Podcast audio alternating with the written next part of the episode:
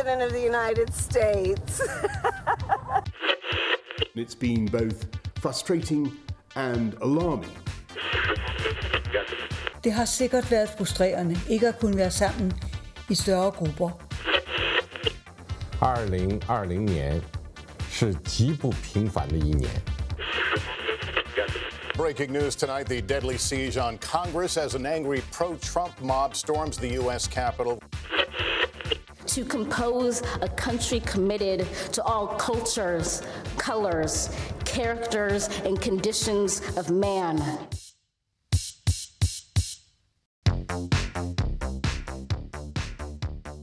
Góðan dag, kæru hlustendur. Þið eru að hlusta á heimskviður. Ég heiti Guðmundur Björn Þorbirsson. Og ég heiti Birta Björnsdóttir. Í heimskviðum er fjallað um það sem gerist ekki á Íslandi.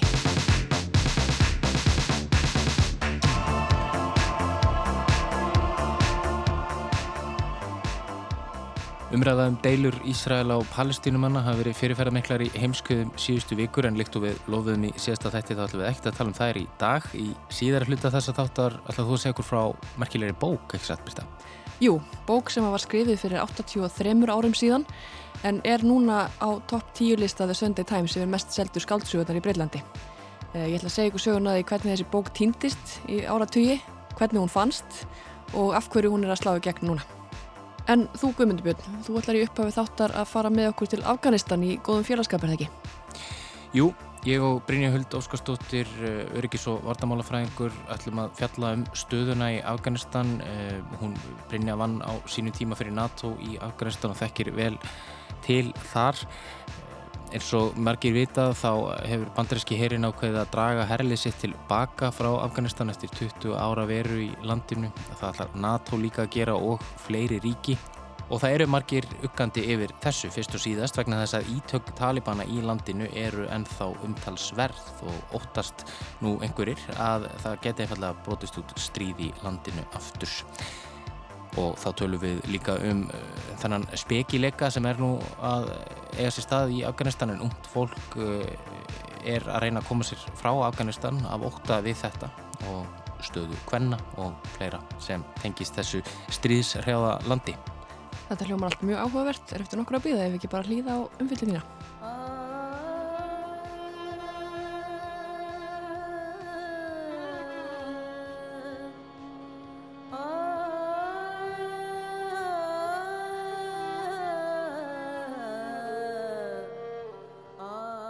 Í februar á síðasta ári hittust fulltrúar bandaríkjastjórnar og pastúnsku þjóðurnisreifingarinnar Talibana frá Afganistan í borginni Doha í Katar.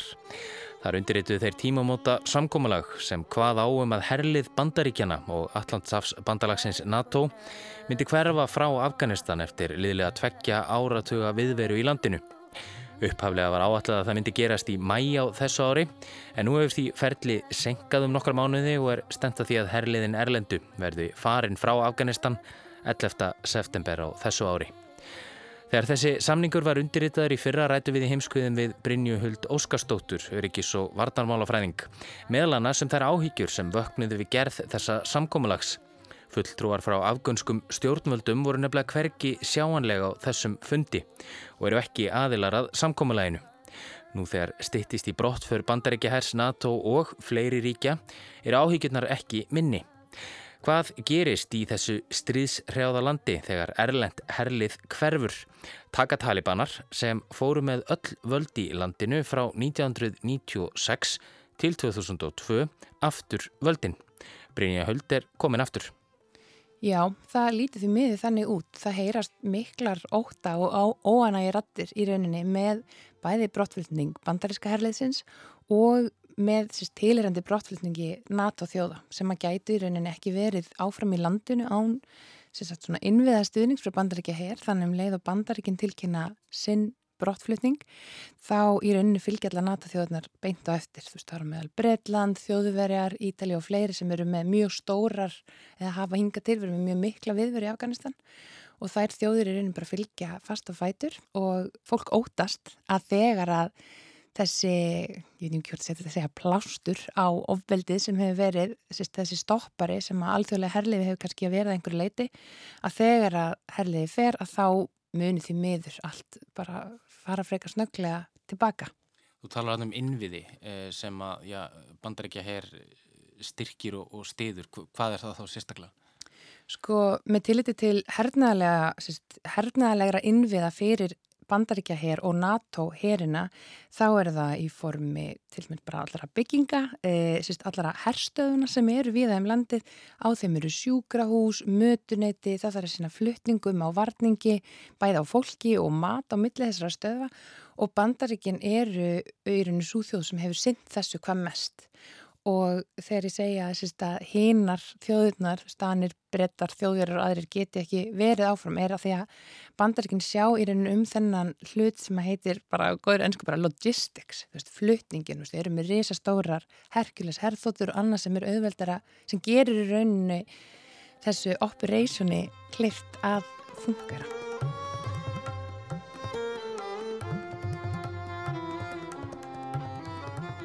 Þú talar um hér áðan að, að það er óttast að, að ja, stríð geti verið aftur í vandum í Afganistan fari herliðin burt sem þau ætla að gera og þá varum við að tala um, um talibanana. Er það ekki rétt hjá mér að, að bandarikin hafi skilið svona frekar fljótt að, að það myndi ekki, ekki ráða niðurlugum talibana í Afganistan svo öðulega og það einfallega gekk ekki upp? Já, það er einni var kannski fra, fyrst, við horfum á þetta 20 ára langt stríð, núna í haustur komum 20 ár sem var aðstun í Afganistan og það er stundum svona, veist, einhvern veginn í, í hálgiru gríni sagt að það séu sko í rauninu 46 ára stríð af því að það er svo oft verið að breyta um stefnu innan þessa sama stríð og þá há ég við stefnu bandaríkina og NATO. Og það sem kannski kemur ljós eftir 5-10 ár eða svona varð síðan mjög skýrt þegar voru 17-18 ár liðin af þessi stríði var að það er og var kannski bara aldrei hægt að vinna talibanna hernaðarlega og sérst, veist, það sem er alltaf hérna talað um á ennsku bara þú veist military defeat, þú veist það er ekki hægt að gera það. Og þá var ákveðið svona síðsumar eða svona um mitt og síðsumar 2018 að reyna að fara einhverju pólitísk átt. Og þá kemur Salmei Kallsat, erindreiki bandaríkjana, inn í ferlið og þá byrja friðviðræður og þá breytist einhvern veginn leiðin en talibanir koma bæði sterkir að borði, fara sterkir frá borði af því að það var svolítið samið, í, samið úr höndunum afgangskuríkistjórnini og núna einhvern veginn verðist svolítið verið þannig að jú þegar það hefur verið einhvers bandarki hér og NATO á WhatsApp og við getum ekki unnið á en það er kannski svolítið erfitt að finna einhver aðra leið þegar að það er orðið augljóst fyrir taliban, talibanir að brjáka þeir enginn að fara sigur okkur. Og er þeir svolítið svona koma út svolítið sem sterkir aðilinn. En svo framkom áðan komu afgönsk stjórnvöld ekki að samkómuleginu í Doha. Talibanum var hins vegar gert ljóst að þeir mættu ekki leifa Al-Qaida og öðrum reyðverkarsamtökum að reyðra um sig í Afganistan og nota Afganistan sem skjólsús til að skipulegja alþjóðlegar reyðverka ára sér. Þótt talibanar hafi fyrst og fremst litið á bandarækjaher og önnur erlend herlið sem óvinni sína, andar köldu milli talibana og afganskra stjórnvalda. Ósk Talibana hefði hins vegar verið að fá bandaríkin burt og það er nú að gerast. Það eru skipta rattir um hvað muni gerast þegar að 11. september rennur upp. Munu Talibanir ganga til við, til samlingaborsins við afgansku ríkistjórnuna eða munu þeir reyna að grýpa völdin.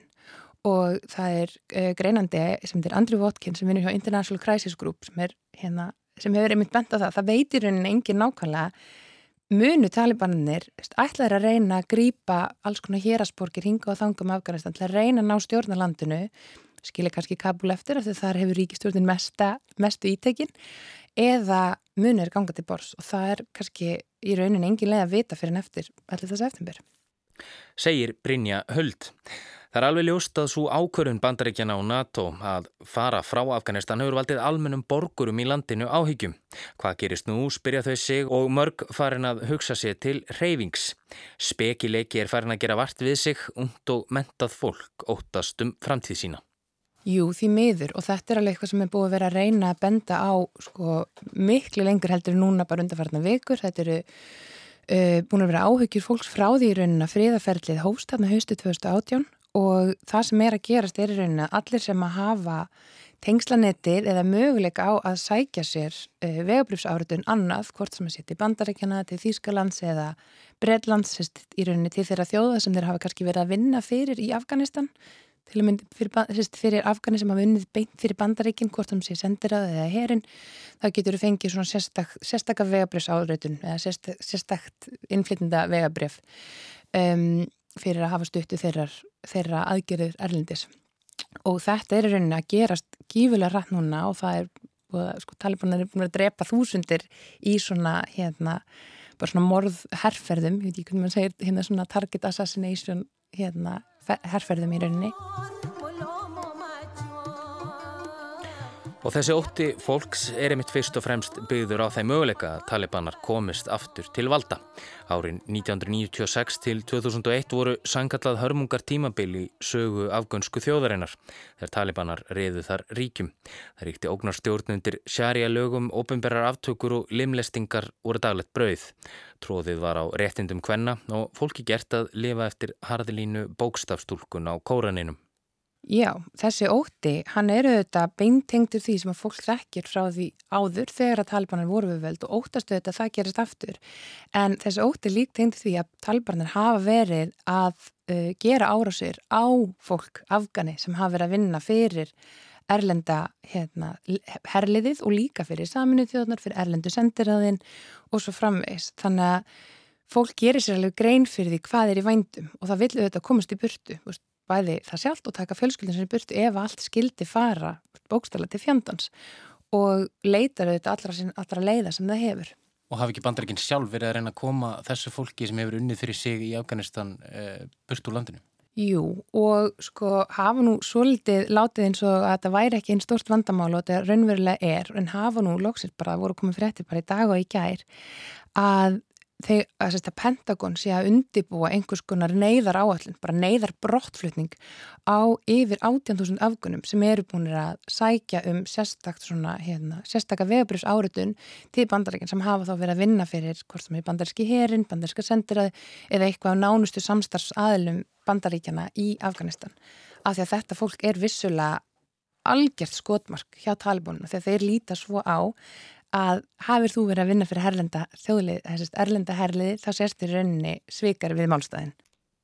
Segir Brynja Höld. Það er því ljóst að með því að draga herlið sín til baka eru NATO að bandaríkin að taka nokkuð stóran séns og skilja Afganistan eftir sem eitt stórt spurningamerki.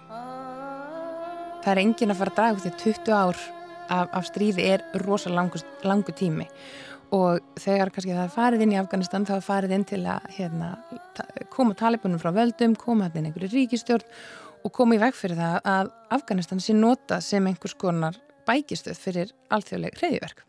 Það er svona frum hérna, ástæðan fyrir að fara inn í landi og svo setna verður þetta svona rosalega stóru flóknu þróunar hjálparverkefni og í rauninni þetta er svo ótrúlega flókið að því leiti að það er skilin, það er komin svo mikil stríðþreita í bandaríkinn. Flesti sem ég vann til dæmis með í Afganistan voru að koma í fjóruða, fymta sjötta túrin sinn til Afganistan þegar stríðbúið eru svo lengi og veist, gaggrinin sem hefur komið, hún er í rauninni veist, bæði hérna eh, bandaríki herur og NATO verða að fara eða bandaríki herur og NATO verða að vera og ég held að það er svona svo gaggri sem er kannski rétt mætust er að þetta er ákveðið rosalega hratt og til að mynda hefur hérna, Ben Wallace, breski varnamálurhauðan viðrað óaninn síni við það að það var ekki taft kannski endilega svo mikið samráð við aðrar þjóði sem hafa verið með mjög mikla viðveru í Afganistan til að mynda breytanir. Þetta er svolítið bara, það er bara svolítið að vera að fara, bara, við erum bara þreytt, við viljum bara klappa þessu saman og, og koma okkur í burtu. Það má einnig velta því fyrir sér hvaða áhrif þetta brottkvarf NATO og bandaríkjana hefur á alþjóðasamfélagið. Hvað segir þetta okkur í hinnu stærra alþjóðlega samhingi?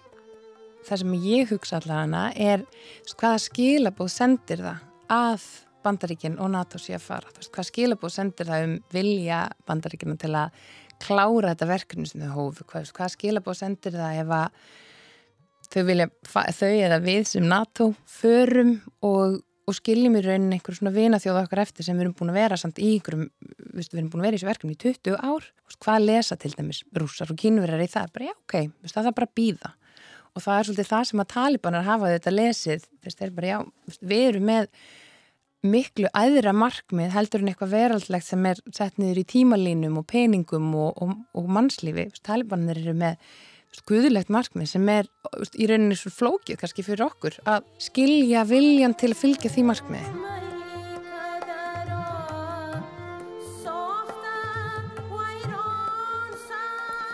Og það er ekki bara Erlend Herlið sem er að flýja Afganistan. Í gær lokuðu áströlsk stjórnvöld sendiráðu sínu í Kabul og þau hafa líka dreyið sitt Herlið burt. Sko fyrstu sem maður, maður geti hugsað þegar maður sér að til að mynda Ástralja sem er sko bæði búin að vera með hernaðlega viðveru í, í Afganistan uh, sérst sem, sérst ekki sem NATO þjóð sem partner nation, eina af þessum 39 þjóðum sem voru í Afganistan um, og eru líka einn af nýju staðstu hérna, stiðjendum við þróunarhjálp í Afganistan. Og það að Ástralja sé að fara, það sendir það er að lesa svo margt í það bara, eru þau rætt, eru þau að fara þegar þau halda það byrjast út borgarstyrjöld, eru þau að fara þegar þau ætla að hætta að veita stuðning á næsta halva árinu eða heila árinu, eru þau að forða fólkinu sínu, er Afganistan ekki lengur mikilvægt, þetta er bara alls konar spurningar sem vakna og það er kannski í rauninni erfitt að svara þeim En segjum svo svo að allt fari á versta veg og talibanar láti til skara skrýða gegn stjórnvöldum í Kabul og reynið að ná yfiráðum yfir Afganistan á ný. Hvað gerist þá? Svart sínustu rattir halda því fram að afganski herin sé það e, veikburða íla, íla skip og íla skipilaður að þeir gætu ekki haldið talibunum frá völdum í meirinn 23 mánuði. Og, og og talibanir hafa verið að ráðast mjög mikið á afganska herin undanfærir eitt og halvt ár af því að það sem að kom fram í þessum friðarsamlingi sem að gera mellir talibana og bandaríkjamanna í februari fyrra var í rauninu það að talibanir átt að hætta að ráðast á erlenda herlið en í rauninu var ekki tekið fram með afganska herin og talibanar nýttu sér það gífulega held áfram og hérna gerðu fleiri ára sér á afganska herin og afgansku laurugluna og nýttu þetta til þess þá 5.000 fanga sem að bandaríkinn sömdum að aðgvæðska ríkistjórnum myndi sleppa. Þannig að talibanir allavega virðast því miður vera sterkari svona þegar allan er horta á þetta núna. Man veit ekki hvernig það fer í haust. Segir Brynja Huld, áður en við ljúkum þessum vangaveltum okkar um framtíð Afganistan, er verðt að ræða stöðu kvenna í þessu stríðshrjáða landi. Á tímum talibanastjórnarinnar var hún reynd útsagt ræðileg en þeir hafa verið frá völdum í tvo áratví. Eh, staða hvenna í Afganistan er vissulega mjög bábúrin. Eh, það hefur orðið einhver framþróðun síðastleginn 20 ár, konur orðnar meira ábyrjandi, eða einhver leiti ábyrjandi í pólitísku lífi, í stjórnsýslinu og öðru, eru farnar að mega menta sig og allavega einhverju leiti, en það sem er óttinu þetta er að þessi réttindi verður öll á bakbrotin ef að talibanir taka við og ef að það verður einhvers konar útgafa af sharia lögum sem er mjög, mjög íhaldsum tólkun á trúarreglum eða trúarlögum í Íslam. Samkvæmt þeim eiga konur ekki að læra að lesa eða það eiga ekki að menta sig og alls konar annað miklu, miklu, miklu strángara og óttin eru þetta sá að það verði aftur eins og þegar að talibanir voru við stjórn, þar sem að konur mátt ekki og megar í mjög mörgum pörtum Afganistan en í dag ekki fara einar út úr húsi það er mega ekki menta sig uh, og bara þurfa að sæta gífurlegt ofbeldi fyrir það eitt í raunin að vera konur. Þannig að það er líklegt að, að margar ungar konur í Afganistan í dag já, hugsi sér til hreyfings og, og, og vonist til þess að geta einfalda flúland. Ég ímynda mér að nánast allar konur sem að gera sér grein fyrir hvað er framöndan myndi vilja komast í björnstæðsist og þá er ég svolítið samt líka að horfa á það sem ég kalla kannski Kabul elituna sem eru konur sem að hafa verið að berjast í kvennirtindum sem kannski hafa tengslanetti og mentununa og að komast í björnstu og þetta eru auðvitað konur sem eru í mestri ógn af höndum talibana. Og, og þær kannski mögulega geta reynd að komast í björnstu en það situr eftir með nákvæmlega sömu spurningu og við vorum að ræða með speikilegan hver á þá byggja blandið þegar að fólki sem að skilur pólitíkina, sem að talar fleiri tungumál, sem að gæti verið að miðla málum og, og, og byggja upp landið, hver á þá byggja upp landið þegar að allt það fólk er flúið.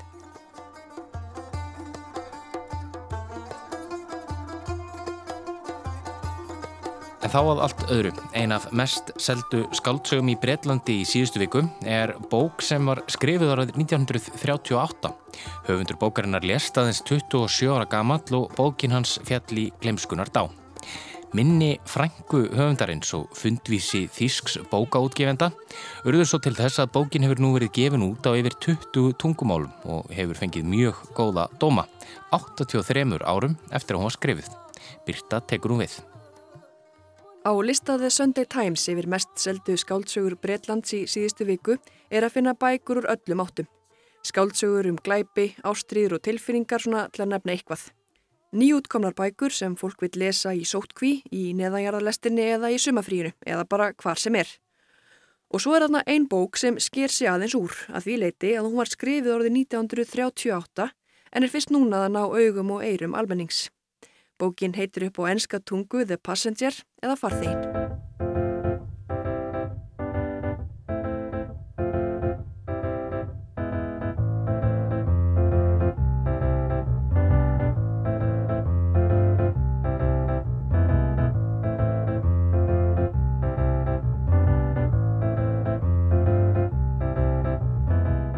Ulrich Alexander Bósvits var geðingur, fættur árið 1915 í Þýskalandi þar sem hann ólst upp. Stór styrjaldir 20. aldarnar mörkuðu djúb spóri lífsleð hans og fjölskyldu hans. Fadir hans lést á vigvellinum í fyrri heimstyrjöldinni, sama ár og Bósvits fættist. Árið 1935 þegar Adolf Hitler hafði gengt ennbættum kanslara og fóringja í Þýskalandi í tvö ár, náðu Bósvits og móður hans að flýja heimalandið. Kveikjanað flóttanum var bóð sem Bósvits fekk um að ganga í raðir vermakt, sístækandi hers nazistana. Þau maðginn komust yfir til Svíþjóðar og ferðuðust næstu árin á milli landa Evrópu. Byggum tíma í Noregi, í Fraklandi, Luxemburg, í Belgiu og loks á Englandi. Bósvits fegsti skriftir og ótryggt ástand í álfunni var hann um innblástur í skáldsagnarskrifum. Önnur skaldsaga Bósvits sem jafnan reyndist svo síðasta gerist í Þískalandi árið 1938 og er skrifuð sama ár skömmu eftir Kristalsnóttina.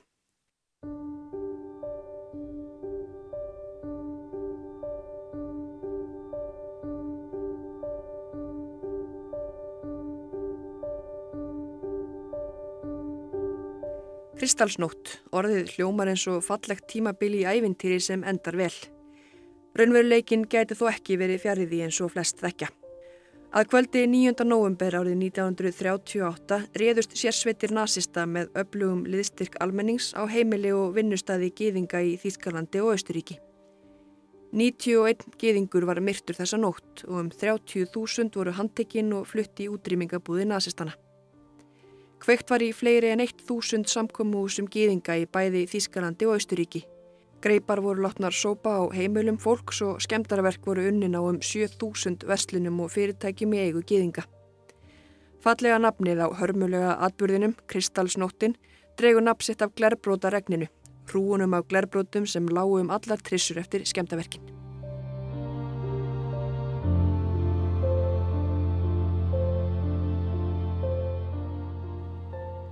Kristalsnóttin markaði ákveðin þáttaskíl í markmiði nazistana að losa sig við gýðingana og beldið varð grímulösara. Skipti þá litlu þó framganga þýsku hermannana þessa nótt væri fordæmt í erlendum fjölmiðlum.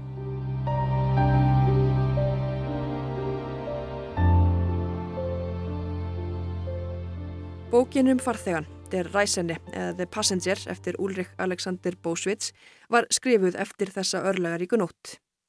Bókin segir frá geðingnum Otto Silbermann. Í november árið 1938 berja nazistar á dyrhjáunum á heimili hans í Berlín. Silbermann takst að sleppa út um baktir húsins og viðtekur taugatrekkjandi eldingarleikur þar sem Silbermann ferðast á milli staða í lestum, döðrættur um að nazistarnir hafi upp á honum. Hann leggur upp í ferðalag án áfangastadar.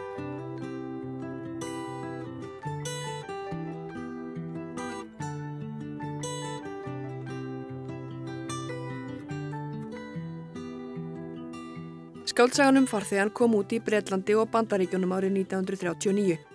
Bókin kom þá reyndar út undir nafninu The Man Who Took Trains eða maðurinn sem ferðaðist með lestum. Og Úlrik Alexander Bósvits var ekki skráður sem höfundur bókarinnar, heldur komin út undir dullnefni hans, John Grain. Svo er í raun ekkert mikið meira að segja um það í billi. Það er að segja um skáldsöguna um farþegan. Þessi fáu útgefnu eintök, rík fjallu í hillum, lítil eftirspurn var eftir þeim á þessum tíma.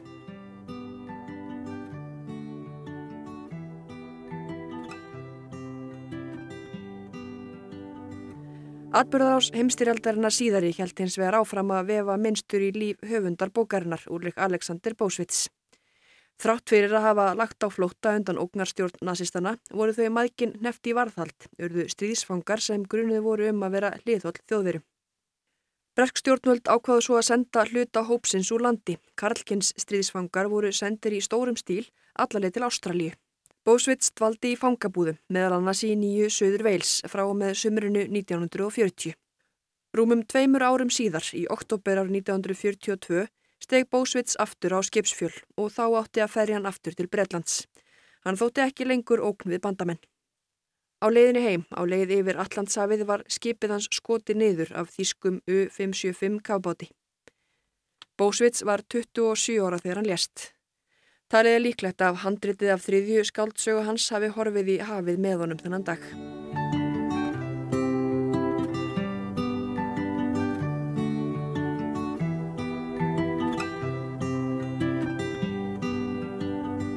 Síðan liðu hátt í 80 ár. Heimstyrjaldina tvær runnu sitt skeið á enda. Önnur stríð hafi verið háð innan landa sem á millið þeirra. Óteljandi bækur hafi verið skrifaðar og gefnar út, prentaðar á pappir og síðar komið út sem rafbækur. Árið er orðið 2018 og konaðanabni Ruela Schaff les viðtal í dagblæði í Ísrael. Viðtalið er við þýska bókaútgefandan Peter Graf og í viðtalinu segir hann frá skáltsugu sem hann gaf út, bók sem fannst lungu eftir að hún var skrifuð. Konan sem var að lesa viðtalið fór þá að hugsa til sögu sem hún vissi að frendi hennar, Bósvits, hefði skrifað fyrir margt lungu, nána tiltekið 80 árum. Frankan Schaff setti sig í samband við þýska bókaútgefandan Graf og sagðunum frá bókinni The Passengers sem gefum var út í Breitlandi fyrir umtalsvert margt lungu. Peter Graf var líklega réttur maður fyrir frænkuna til að leita til. Hann hefur undanfærin ár gert það forgangsverkefni að hafa upp á áður útgefnum bókum sem hafa fallið í gleimskunar dá, einhverju hluta vegna. Þekktasta endurútgafan áður en að ferðalangin raka á fjörun hans er skaldsagan Blóðbræður eftir Ernst Haffer. Bókin sem hann var að segja frá í viðtalinu sem náði aðtikli frænkunar. Sú bók kom fyrst út árið 1932 og segir sögu heimilislausra ungmenna á tímum Væmarlífveldisins eða Þískanandi nútímans á árunum 1919 til 1933. Sú saga var endur útgefin árið 2013 og hlaut afar góðar viðtökur. Viðtökur sem líklega hafa hjálpað til við að riðja veginn fyrir farþegan.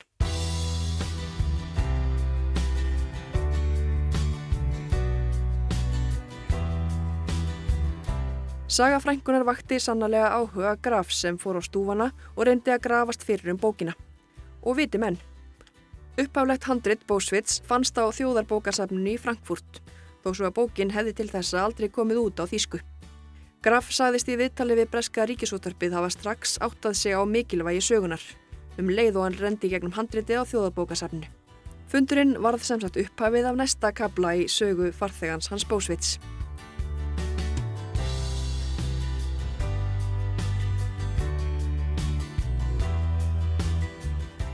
Bókinu var gefin út í Þískalandi á móðurmáli höfundarins og það var bara upphafið á áframhaldandi ferðalagi farþegans.